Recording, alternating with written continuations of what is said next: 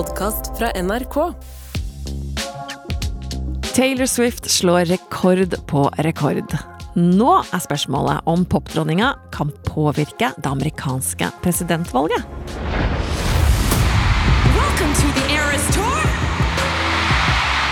We've all seen this entire year what her power is Right. as, uh, during her tour. Taylor Swift, she could make the difference in the election, right? Yeah. Taylor Swift seems to have an effect on nearly everything, and now she's making an impact on young voters. If anyone can convince young people to vote, it's the woman who somehow got young people to buy physical CDs because she wasn't on Spotify. I mean, if Donald Trump looks like he's going to win, she's just going to need to get in the race and defeat him once and for all because she's probably the only person who can. there you go. See you there. Du lytter til Arena. Mitt navn er Jeanette Plato.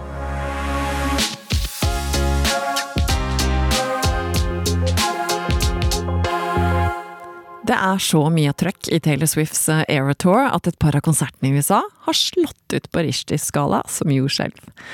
Den ferske konsertfilmen som nettopp hadde premiere på kino, går også ganske så bra. Den eh, åpnet på førsteplass på kinotoppen i Storbritannia, Mexico, Australia, Tyskland og Filippinene, for å nevne noen, eh, og satt åpningsrekord for en konsertfilm i USA. Og apropos rekorder, Swift har nå flere nummer én-album enn noen andre kvinner opp gjennom historien, og er på tredjeplass totalt etter eh, Jay-Z og The Beatles. Enten du liker musikken hennes eller ei, så er det jo fascinerende hvor bra dama gjør det. Nå diskuteres det om hun vil ha en reell innflytelse på presidentvalget i USA. Det skal vi finne mer ut av i dag. Som vanlig i Arena har jeg invitert tre gjester til å snakke om ett tema innen populærkulturen. I dag Sofie Høgstøl, USA-ekspert og Swifty. Velkommen. Takk, dette er kjekt. Pia Skjevik, musikkjournalist i NRK, velkommen. Hei, takk. og Daniel Norgård, musikkbransjeekspert og professor ved Universitetet i Agder i Music Business and Management. Velkommen. Takk skal du ha. Ok, jeg begynner med et åpningsspørsmål til alle sammen. Er det galskap å se for seg at hun faktisk kan komme til å påvirke presidentvalget? Sofie? Nei, og det er nok fordi at mange nå tror at presidentvalget til neste år blir mye jevnere enn det man skulle tro. Og når det er et jevnt valg, så er det viktig å få velgerne sine inn i stemmeurnen, sånn at de faktisk stemmer. Og en av de tingene man sliter med i USA, det er å få unge til å stemme. Og hvem er det som hører på Taylor Swift? Jo, det er unge folk. Pia? Ja, altså jeg skrev faktisk en sånn tipoengsoppgave om dette på Blindern i forbindelse med det første Obama-valget. Og da klarte hiphopartistene å påvirke den på en måte, demografien som ikke normalt stemte, til å stemme. Og noen mener at det velta valget i, i, til Obamas fordel. Så jeg tror absolutt det. Daniel? Jeg tror også at det kan ha en innvirkning, en effekt. Helt klart. Så når vi vet hva, hvem uh, Joe Biden skal stille imot. da. Det er så mye bråk på den republikanske sida at uh, det virker nesten litt uh, unødvendig, uansett hva demokratene gjør. Så, men når de kommer der, så tror jeg hun har en effekt. Pia, ja. hvor stor vil du si at Taylor Swift er akkurat nå? Altså, Jeg vet på en måte ikke, og dette plager meg litt om dagen, fordi at jeg føler at nå skjønner jeg på en måte ikke hvor, hun, hvor, mye høyere hun skal gå. Det er bare, Hun kan bare bli president, på en måte. Og, og, og, og ting kan jo ikke fortsette å, å, gå oppover for evig og alltid. Og jeg har sett at nå den siste uken så har de derre bitte små liksom, frøene av kansellering begynt å poppe opp. Sånn at jeg, må, jeg, vil si at hun, med mindre hun velger en karriere i politikken, så piker hun nok nå. Mm. Um, dessverre. Og hvis vi sier da piker, hvis vi skal sette det litt for andre som ikke følger Swift tett, mm. hva kan vi si om hvor stor hun er? Nei, altså uh, igjen, Mitt favoritteksempel er jo at uh, hun går og ser én amerikansk fotballkamp, og uh, NFL bytter sin Instagram-bio til 'Taylor was here'. Jeg føler at det kan liksom ikke bli så mye større enn det. jeg, jeg satt faktisk og så på Chiefs. Hun dater da en fyr som spiller Travis Kelsey, som spiller for uh, The Chiefs. Og jeg så på The Kansas Chiefs i helgen, på søndag. Og jeg liker amerikansk fotball, men det var jo litt sånn Comma Taylor. Og så leste jeg sånn Taylor er på vei i privatfly. Da må jeg i alle fall se på denne kampen. Det var sånn midnatt norsk tid. Så hun har en sånn uh, Jeg er jo nok enig i at det er, det er nok rett og slett vanskelig å bli større. Så hun er, hun er like stor og kanskje litt større på noen måter enn Beyoncé var på sin høyde. Absolutt. Og det er vanskelig å sveve på den. Man, man svever ikke på den høyden for alltid. Uh, men det er jo det at hun, hun har jo rett og slett den, det som kommer til å bli den, den, den største turneen pengemessig eh, i amerikansk historie, altså internasjonalt. I verdenshistorien. verdenshistorien. Um, Det er stort. Uh, hun har den nummer én-filmen i USA akkurat. Eh, for hun valgte da, og igjen eie sin egen karriere, hun valgte å lage en eh, film av denne turneen sin, og slippe den filmen gjennom eget produksjonsselskap, så gjennom produserer sine egne greier. Det betyr at hun tjener jo alle pengene basert på den filmen. Den filmen gjør det rått i USA. Og eh, i går så ble det klart at hun har nummer én-sangen i hele landet. Nok en gang, eh, med Cruel Summer, et, en sang hun kom ut med i utgangspunktet for fire år siden. eller sånt Da, da, du, da har du liksom number one movie, number one song, og det, du, har gjort, eh, du har fått en hel ny målgruppe til å se amerikansk eh, fotball. Og det er ikke dårlig. Da ruler du popkulturen på en måte som er veldig vanskelig å, å, å sammenligne med andre artister for øyeblikket. Som min favoritt-Instagram-reel eh, sier akkurat nå, What's your favorite American football player? Taylor Swift. Taylor Swift. Liksom, han er nummer 87.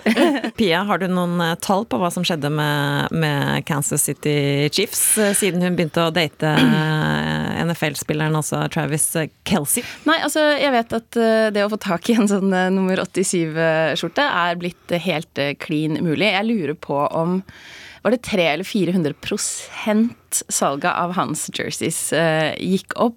Billettsalget har gått opp helt enormt. Altså. Det er jo, det, alt hun tar i, blir til gull akkurat nå, og det er det middagsgreiene som skremmer meg lite grann. Da. Swiftonomics er vi over på nå, Sofie. Jeg Ja. tenkte du kunne forklare litt. Hva er Swiftonomics? Swiftonomics er jo at forskerkolleger i USA som forsker på økonomi, rett og slett har prøvd å gå inn og se på hva er den økonomiske effekten av at Taylor Swift har kommet til å ha et konsert i den byen hun har hatt konsert i. Og det de har konkludert helt klart, er at han har hatt en enorm effekt på lokaløkonomien. I form av eh, at folk kommer, de bor på hotell, de spiser mat, de bruker kulturlivet, de, eh, altså de legger igjen penger i butikker osv. Og, så og det er jo litt trange økonomiske tider eh, overalt akkurat nå, og også i USA. Så den effekten Det var noen som spøkte om at hun, Beyoncé, som også har hatt en veldig stor konsert, og Barbie-filmen, det er de som har holdt den amerikanske økonomien oppe i sommer. Uh, uh, ja, det, er liksom, det, er jo mål, det er en målbar rett og slett effekt av en sånn um, turné.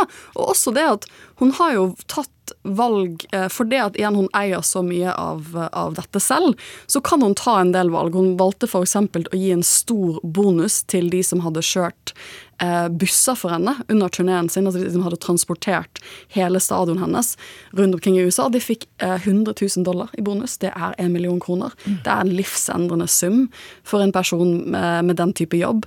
Og det kan hun igjen velge å gjøre, for hun er, hun, hun er sin egen sjef. Og det er jo litt det, det, det at hun tar sånne type valg, også gir hun jo enda mer oppmerksomhet. eh, som ledende businesskvinne. For det er jo litt det hun har Det er litt sånn hun blir sett på. Jeg tror hun har fått den respekten som en ordentlig forretningskvinne som hun ikke hadde for en del år tilbake. Jeg leste at eh, Philadelphia-avdelingen til USAs sentralbank eh, nevnte henne nylig i en økonomirapport. Altså det var et eget punkt i USAs sentralbanks eh, om Taylor Swift. Det er ganske imponerende. Eh, du nevnte en Beyoncé. Hun møtte jo opp på denne premieren av, eh, av konsertfilmen. Eh, hvorfor vil Beyoncé være på premieren til Taylor Swift? Jeg syns det var litt stort, for jeg er jo sånn i utgangspunktet veldig Beyoncé-generasjon. så Jeg vokste opp med Beyoncé, hun er det største for meg eh, som personlig. Eh, så det var jo sånn, det var et sånn ikonisk moment, for mange ville tro at de konkurrerte. De hadde jo egentlig to konkurrerende turneer. Eh, og selv om Beyoncé vel nok har tjent mer penger på sin per dag, så er det jo fordi at Taylor Swift har ikke begynt på den internasjonale biten av sin turné. Alle vet jo at det er hennes turné som kommer til å bli den største av de to. Så det var jo litt sånn ikonisk at hun velger å komme på eh, filmpremieren til Taylor Swift. Eh, og de har jo hatt et sånt eh, interessant forhold helt siden dette sånn ikoniske øyeblikk i amerikansk pop, eh, nyere pophistorie. Når um, uh, Kanye West går opp på scenen idet Taylor Swift har vunnet en pris for beste video, og sier liksom vi må stoppe dette her. Det er egentlig Beyoncé som burde ha vunnet. Uh, og så vinner Beyoncé en pris senere om kvelden. Altså, selvfølgelig, Taylor Swift er da ganske ung og blir veldig pinlig berørt. Det hadde vi alle blitt, tror jeg. Um, og så kommer Beyoncé og vinner en um, en pris senere samme kveld, eh, og så får hun med Taylor Swift opp på scenen, sånn at hun kan holde sin takketale ordentlig. Så de har hatt et sånt forhold, og Taylor sa jo også at det å se på måten Beyoncé også har tatt disse grepene om å eie egen karriere, det har vært viktig inspirasjon for henne. Så jeg syns det var sånn, eh, sånn eh, kvinner som spiller hverandre, gode øyeblikk, å se de to sammen på den filmpremieren. Pia, hva tenker du om eh, disse to sammen? Hvorfor, hvor, hvilken interesse tenker du at Beyoncé har av å dukke opp på premieren til Taylor Swift? Nei, jeg tror uh, igjen at uh, Sofie er veldig inne på noe, fordi de rett og slett uh, det, Altså, verden vil jo at de skal krangle litt, på en eller annen slags måte. Det er mye gøyere hvis den ene turneren går bedre enn den andre, og på en måte Og det at de, de bare blåser av de ryktene med det samme ved å stille opp for hverandre, da. Og jeg tror også veldig altså, Tenk, hun var 17 år da han kom opp på scenen der og tok den prisen, og hele salen, de jeg vet ikke, tusen viktigste menneskene i amerikansk musikkbransje, begynner da å bue, og hun tror alle buer på henne fordi hun tok prisen fra Beyoncé. Altså, for en sånn skjellsettende opplevelse for en kid, liksom. Ja. Til og med Obama gikk ut. Ja, ja, ja, ja, ja. Vi skal straks eh, snakke litt eh, mer om eh, politikk og, og om hun faktisk kan påvirke det presidentvalget. Men Pia, vi må snakke litt om dette her med, med hennes forhold til fans. For hun har et spesielt tett forhold til fans. Hvordan er det hun får til det? Nei, altså jeg føler jo på en måte at hun har skapt et, et, univers for fansen hvor på en måte de Hvor de kommuniserer Altså, eller vi, da. Hun kommuniserer ved å lage sånne Altså, det kalles på, på swiftsk så kalles det påskeegg. Men hun legger sånne hint som om på en måte karrieren hennes Altså, et album er ikke bare et album, det er også en rebus.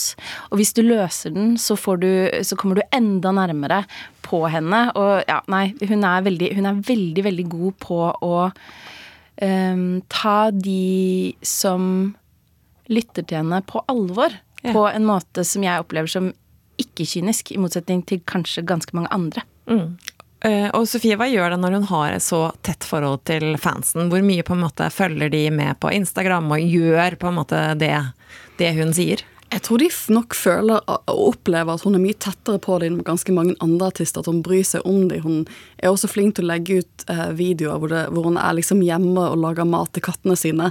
Og det, det, er veldig intimt. da, og det er kanskje litt det at På den ene siden er hun en supersofistikerte, kule internasjonale stjernen. På den andre siden så er hun en litt sånn skeitete jente som har katter og baker kaker og, og snakker med svigerforeldrene til nye kjæresten, altså nye kjæresten sin. Det, hun, hun, hun, er liksom, hun har den spenningen i seg at hun er litt dorky, vil jeg si på amerikansk, og hun er veldig kul. Og det tror jeg gjør henne veldig relaterbar til mange av fansene.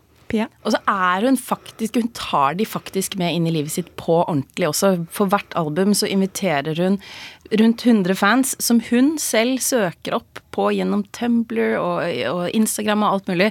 Og så får de en sånn Willy Wonka-billett i posten og blir invitert hjem til et av hennes hjem, hvor de alle sammen hører på musikk og danser og diskuterer den nye plata før den har kommet ut. Mm. Da skal vi over til politikken, for i 2018 så uttalte Swift seg spesifikt om partipolitikk for første gang. Hun skrev på Insta at hun ville stemme på en demokrat i mellomvalget. Det fikk selveste president Trump til å reagere på det tidspunktet, og The Daily Shows programleder Trevor Noah kommenterte Trumps reaksjon. Hør her. Taylor Swift jumping into politics. What do you have to say? And what did she say? Said you want people to vote for Democrats. Let's say that I like Taylor's music about 25% less now, okay? That's, that's a weird way to express displeasure. That's, he likes her music 25% less. Oh, and by the way, I love, I love how Trump turned back when he heard Taylor Swift. You see that? Like, because he was leaving. He was leaving, right? And then he heard Taylor Swift and he was like, what? Yeah, because normally reporters shout questions. He just keeps going. They're like, Mr. President, the United Nations global warming. Mr. President, your policy on Hezbollah. Mr. President, what do you think about Taylor Swift? He's like, what's that? What's that? Taylor Swift. Sofie, du sier litt om Swifts makt allerede i 2018.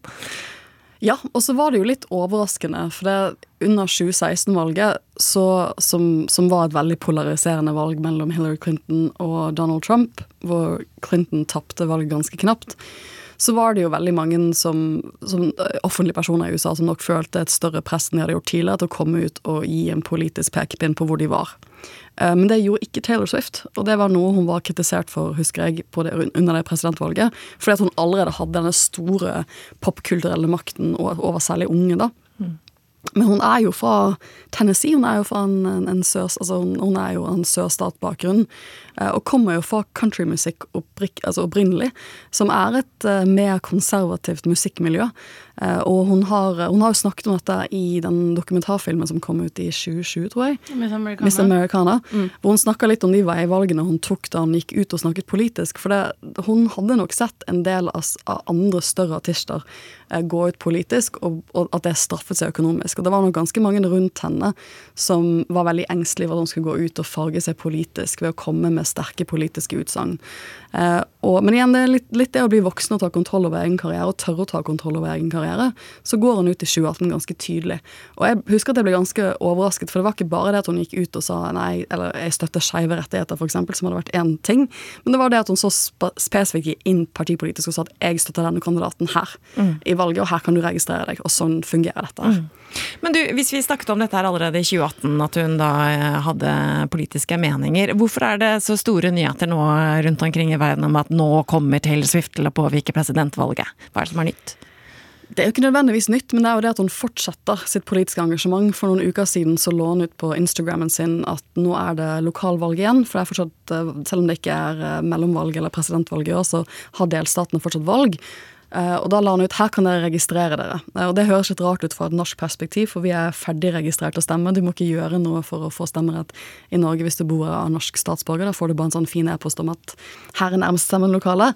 Mens i USA så må du registrere deg på forhånd for å kunne helt tatt stemme på valgdagen. Og i noen stater er det ganske vanskelig. Og de organisasjonene som jobber med det, de så en større antall som valgte å registrere seg i timen etterpå. Så hun har jo en målbar effekt. Jeg leste at hun fikk eh, over 35 000 til å registrere seg som Mm. stemmegivere den, etter den posten som du nevnte her på Instagram. Og så er det jo igjen mange som tror at det er ikke avklart nå, men det er mange som tror at Donald Trump kom, gjør en comeback og blir presidentkandidaten til republikanerne til neste år. Og da er det liksom, da er det samme mash-up som det var i 2020. Det er Joe Biden og, og Donald Trump. Og det blir nok en jevnere valg, eller mange tenker at det blir et jevnere valg enn man skulle tro mellom de to. Og da trenger man virkelig hver eneste velger. Og uh, Joe Biden er jo ikke et fyrverkeri for unge velgere. Det kan man jo si.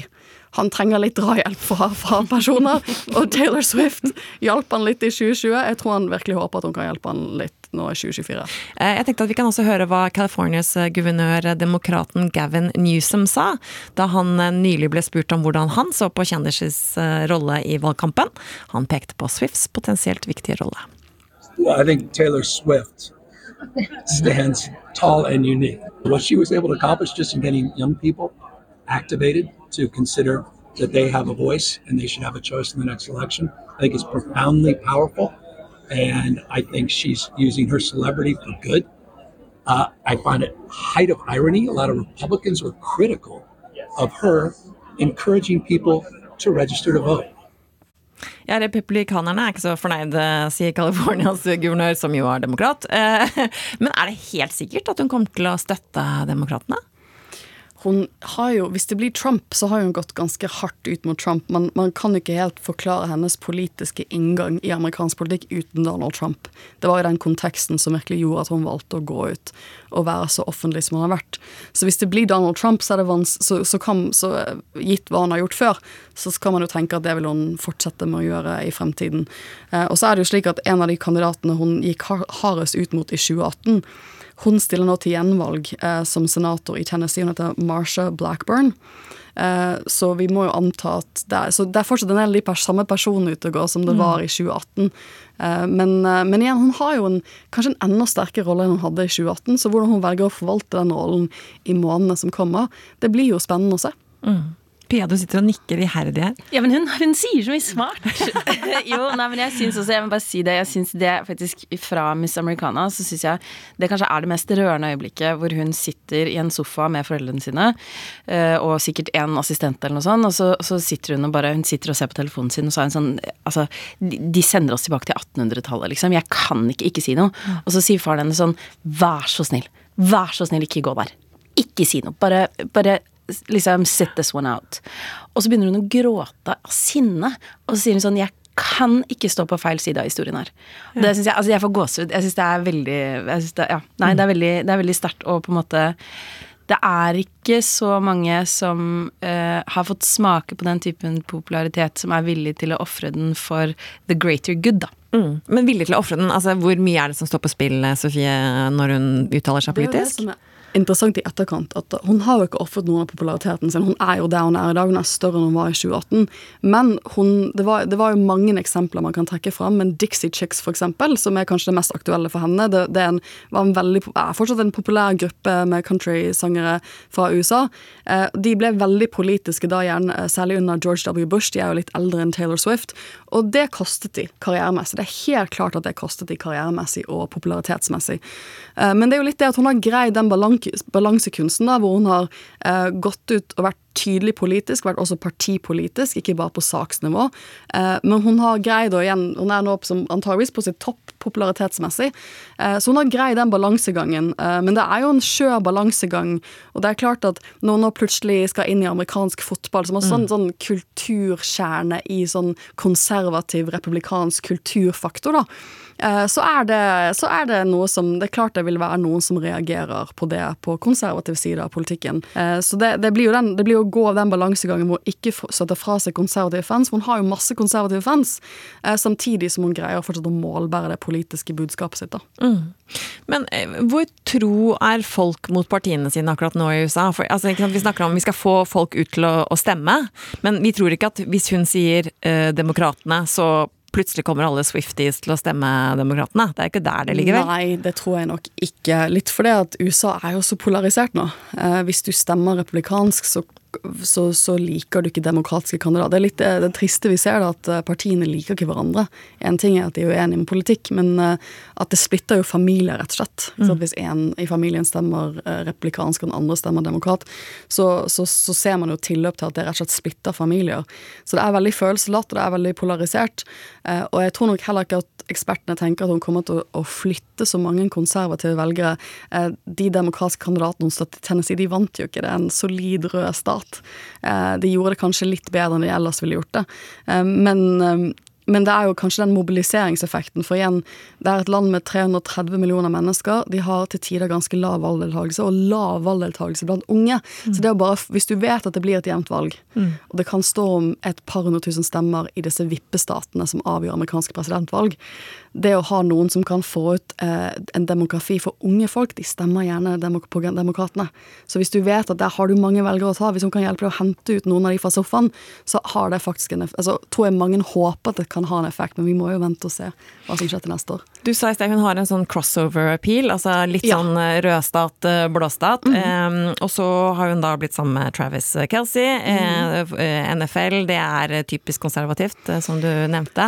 Så eh, eh, hvordan er den crossover-appealen hennes nå blitt påvirket av at hun er sammen med han? Altså hva skjer med hennes Det vil jo være spennende. Jeg syns jo litt synd på han, for vi må jo bare påpeke at han vant, hans lag vant jo faktisk uh, the NFL. De vant Superbowl i fjor. Det var ikke sånn at han er en sånn liten person ingen kjente til. I'm just a Ken, ja, ja, han, han er ikke bare Ken, han, han var en stor fotballspiller også i fjor. De vant hele Superbowl. De ligger jo skikkelig godt an i år også, så de er jo absolutt uten tvil et av de beste fotballagene i USA. Det var en, eh, Netflix har jo hatt en dokumentarserie om amerikanske fotballag som jeg så før de ble sammen, hvor Chiefs er et av de lagene de følger, for de er jo helt klart, og de følger de frem til de vinner Superbowl. Så jeg vil, jeg vil bare påpeke det at han, han er ikke en hvem som helst, han heller. Um, men, men, um, men, det, men det er jo litt eh, dette, dette skjer jo nå, ikke sant? Vi vet jo ikke om de er sammen om tre måneder. Eh, men dette er jo noe som skjer, om det vil styrke henne. men han har jo, sånn som jeg har skjønt det, også hatt en sånn Det er jo deler av hans lag som f.eks. var med på take a knee under rasismedemonstrasjonene som, som re-NFL for en del år tilbake.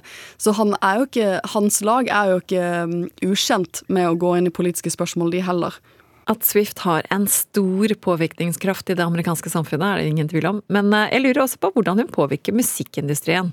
For eh, etter at musikkrettighetene til de seks første albumene hennes ble kjøpt opp og solgt videre utenfor hennes kontroll, så tok hun noen heftige grep. Hun eh, bestemte seg for å spille inn de seks første platene på nytt, for å eie sitt eget livsverk. Denne uka slipper hun faktisk sitt fjerde nyinnspilte album, 1989, Taylors Version, opprinnelig utgitt i 2014. Daniel Norgård, professor i Music Business and Management. Jeg vet du er spesielt opptatt av denne kampen hun har tatt for å eie sine egne rettigheter.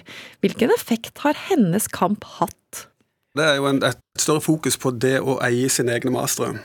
Dette er jo noe som har vært en diskusjon i musikkbransjen ganske lenge.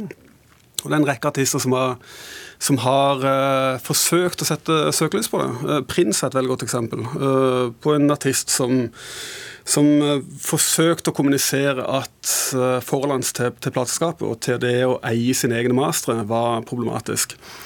Og så har jo hun gjort noe veldig spektakulært i nettopp det at hun har innspilt sin egen plate på nytt igjen. Uh, og, og, gjort det på en måte med veldig stor uh, suksess. Og det har på mange måter uh, gjort at man har, man har noen, noen, eksempler. Man har noen, noen caser gjennom henne hvor en artist kan ta så til de grader kontroll på Hva skal jeg si for noe? eller som gjør noen, eh, noen handlinger knytta til en konflikt knytta til master. Og det kjenner jeg ikke til noen andre eksempler på. Eh, og det har fått selvfølgelig stor oppmerksomhet. Mm.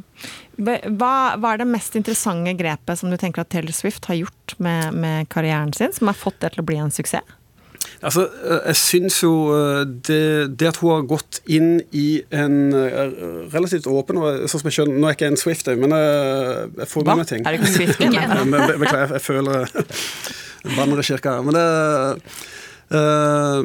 det hun Hun virker jo å være veldig Ha en åpenhet rundt det hun gjør. og, og den prosessen hun har hatt, med særlig det med, det med, med masterrettighetene, det å eie egne mastere, har vært en veldig offentlig uh, diskusjon, en offentlig debatt, som gjør at uh, andre artister, uh, musikkbransjeforskere sånn som meg selv, og musikkbransjen som helhet får et innblikk i en, en prosess som er ganske kompleks og, og vanskelig. og det, det tenker jeg det står det mye respekt for, at vi får liksom ta litt del i den, den prosessen. Jeg synes også, eh, Når vi snakker om det med, med masterne, så syns jeg på en måte det er litt underkommunisert kanskje at Scooter Braun eh, som da kjøpte rettighetene til hele katalogen hennes, og bare på den måten sa du eier ikke kunsten din lenger, og det er jeg som skal tjene penger på den. Men i tillegg så truet han henne med at hvis du noensinne prøver deg på å gjøre dette på nytt, så kommer jeg til å ødelegge karrieren din. Og igjen, altså hun er på en måte en artist som igjen og igjen og igjen har blitt forsøkt eh, dytta ned og avbrutt og kansellert. Altså liksom Og så trosser hun den kjempefrykten for en såpass mektig musikkbransjefyr som Scooter Braun var, da, og gjør det likevel. Og jeg syns også, jeg hører ofte i sånne debatter som dette, eh, folk som sier sånn Og så sier hun til folk at de må bare høre på hennes musikk, eh, eller hennes versjon, og så blir hun så rik. Og det stemmer ikke. Hun har aldri sagt at 'hør på min'. Hun har sagt 'hvis det står Taylors version bak noe, så betyr det at jeg eier det'. Isn't that exciting? Da hun var gjest hos talkshow-vert Graham Norton for ett år siden, så snakket hun om det å ta eierskap til eh, låtene, og at hun er så takknemlig for at folk faktisk spiller og lytter til hennes nye versjoner. One of the things I was most thankful for was there's a there's a, a company of many stations in America called iHeart, and they have uh, sworn to only play my new versions, and they've said that they'll switch it out for the old versions uh, every time I put out a new version of a song, which is just like, it's so heartwarming to me because this is something that I care about, but I don't expect other people to care about it. It's something that's very personal yeah. to me, and it's a lot of work, but it's like, it's, it's really fun and rewarding for me, and I can't believe people have actually gotten behind it the way they have. Sofie, tror du at hun piker nå?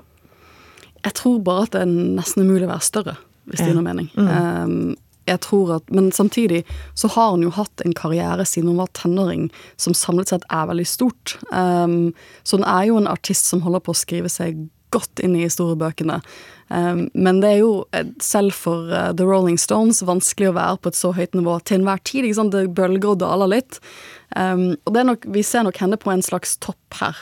Uh, og så kan det godt være at hun kommer tilbake til en sånn topp. Det, det, er jo litt utfordringen hennes som for en type som Beyoncé, at nå er hun midt i 30-årene snart. Hvordan, hvilken type musikk har hun lyst til å lage fremover, hvordan skal hun utfordre seg som artist, vil jeg anta. Mm. Det er jo mye av disse spørsmålene. Hun har gjort alt artistmessig man kan gjøre på mange måter. Hun har hatt den største turneen, hun har hatt eh, masse suksessrike albumer, hun har spilt inn noen albumer på nytt, hun har gjort veldig, veldig mye. Hvordan skal hun utvikle seg og, som artist fremover. Det syns jeg blir veldig spennende å se hvilken type musikk lager hun om ti år. Og det syns jeg også er veldig spennende som fan, da, at hun har eksperimentert så mye med sjanger at det er vanskelig å si hvilken type sjanger hun kommer til å gi ut om ti år. Og det er veldig spennende, og derfor har hun nok etter mitt skjønn også mye mer levetid enn noen som ikke er like sjangeroverskridende og leken som det hun har vært så langt i karrieren sin. Da, Daniel, jeg må bare spørre om noe. Eh, vi nå nevnte Sofie Beyoncé igjen, og hun kommer jo også med egen film, jeg tror det er 1. desember. Um, eh, hvorfor gjør store stjerner dette nå? Hva er greia med, med film? Altså Egentlig så tipper jeg det har en del med eksklusivitet å gjøre. Det å kunne gi eksklusivitet, eh, eksklusiv tilgang til en opplevelse knytta til, til, til, artistene. Uh, og da er jo en sånn konsert eller en turnévideo, en turnéfilm, utrolig viktig. Og hvis du kan gi den eksklusivt i et eller annet format, så er det butikk i det, i hvert fall.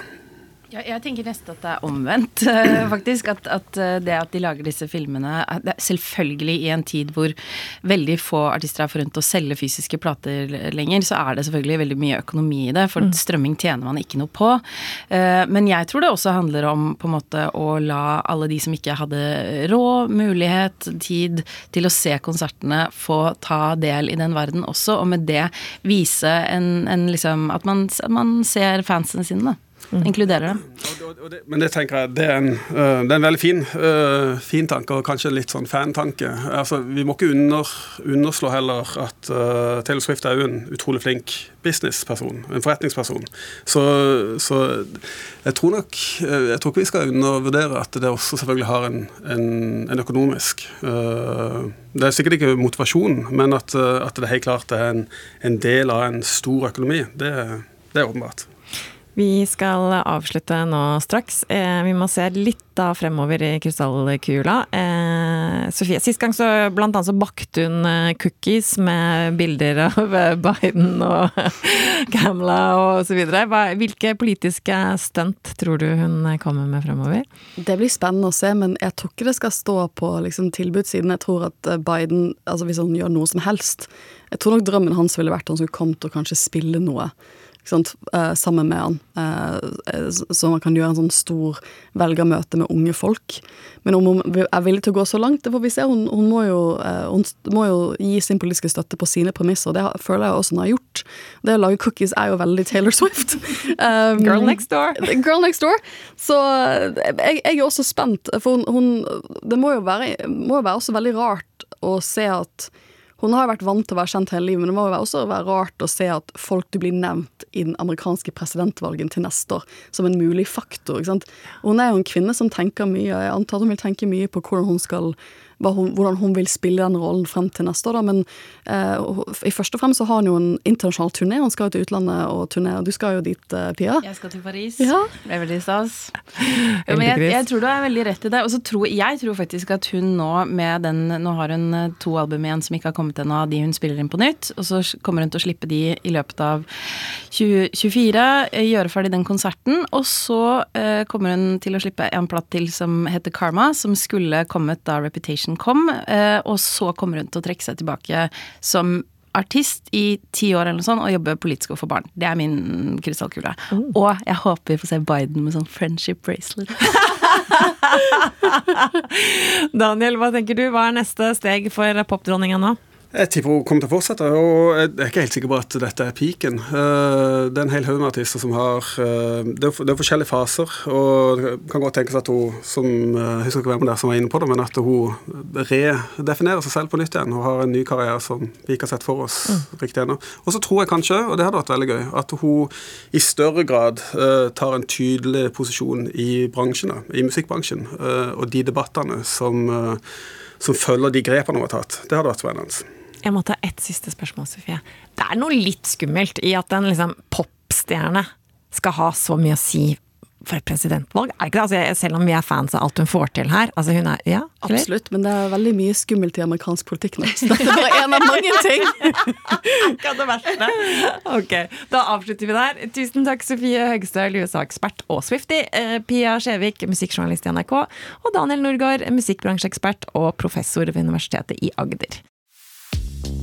Husk å abonnere på Arena i NRK radioappen. Da blir du varslet hver gang det kommer en ny episode, og fortell gjerne om Arena til en venn. Arena lages av journalist Jostein Gjertsen, vaktsjef Andrea Kvamme Hagen, kulturredaktør er Helene Hyllestad, og mitt navn er Jeanette Platou. Takk for nå!